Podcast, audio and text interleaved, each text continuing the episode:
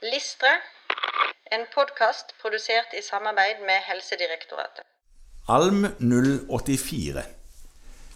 Selvstendig kunne søke informasjon og veiledning om utredning og for å tilrettelegge for pasienten i den delen av behandlingen som foregår i primærhelsetjenesten, og samhandle med spesialisthelsetjenesten for å sikre et optimalt pasientforløp.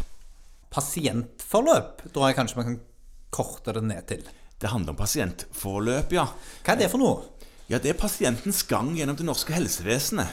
Ja. Ja, og da tenker jeg at vi starter jo i allmennpraksis med en pasient som kommer til oss som kan feile hva som helst. Ja. Ja, ikke sant? Det er en fullstendig uselektert pasient. Eh, Det trenger ikke være en pasient engang. Nei. Det kan være en som bare mener han eller hun er syk.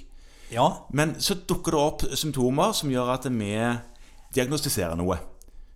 ja. Ja, og så, Behandler vi det, da? så behandler vi det, og dersom vi kommer litt til kort, Ja. som da pasientforløpet illustrerer, så henviser vi videre til en organspesialist på det lokale sykehuset. ja.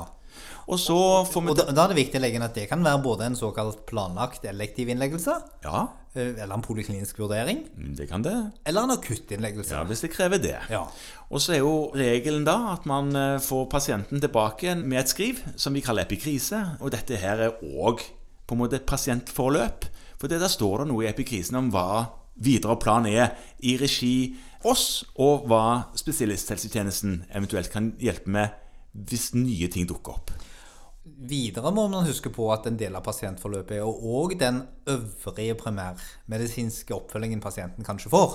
Mhm. Altså at pasienten skrives ut til et sykehjem og går via sykehjemmet før de kommer hjem. Ja da. Eller om de får såkalte hjemmebaserte tjenester eller hjemmerehabilitering. Mhm. Vi skal heller ikke glemme de delene av det optimale pasientforløpet. Helt riktig. Det å se for seg hele pasientens gang gjennom helsevesenet, som du sier, det er viktig. Og så skal vi ha kompetanse til å følge pasienten, særlig de kritiske punktene i dette pasientforløpet. Og det er alltid overgangen fra ett system til et annet system. Ja. Da må man sikre en god samhandling, man må sikre en god kunnskapsoverføring. Ja. Slik at pasienten får et godt forløp og føler seg ivaretatt med en helhetlig behandlingsplan gjennom hele pasientforløpet. Her må man eh, bruke ulike læringsarenaer. altså Her handler det jo mye om praktisk samhandling både med spesialisthelsetjenesten og i tverrfaglige team i kommunen Ja. eh, i primærhelsetjenesten for å øve seg på å få til gode overganger for pasienten. For noen ganger så vil du nok erfare at samhandlingen ikke er god. ja, det har skjedd. Ja, og det kommer til å skje. Ja, og det er ikke vond vilje. Nei. Det er bare sånn det er av og Ja. til. Det som er dumt med det, er jo at den det går utover, er den som det er viktigst for, nemlig pasienten. Jo. Og ofte, altså i verste fall, så kan jo det utarte seg til sånne rene sånne svartperspill. Som liksom sitter og peker på hverandre og sier 'du har den, du har den, du har den'. Ja da, at pasienten faller mellom eh, mange stoler, ja. Ja, men ø, oftere så er det manglende kunnskapsoverføring som er utfordringen. Og Ja. det, det kan jo medføre f.eks. feil medisinlister, feil behandling i verste- Mangel på oppfølging. ja, ja. eh, I, i verste fall kjempekritisk. Ja, Visst kan det være det.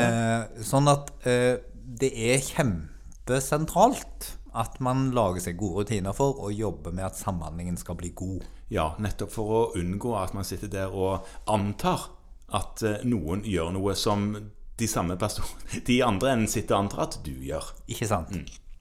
Og Dette handler òg om å instruere, sånn som vi har vært inne på i tidligere læringsmål, pasienten i sin egen sykdom, sånn at pasienten sjøl kan ta kloke valg når nye symptomer dukker opp, Mhm. Absolutt. Og vite hvor de skal henvende seg, og hvem som har ansvar. og hvor mye det haster.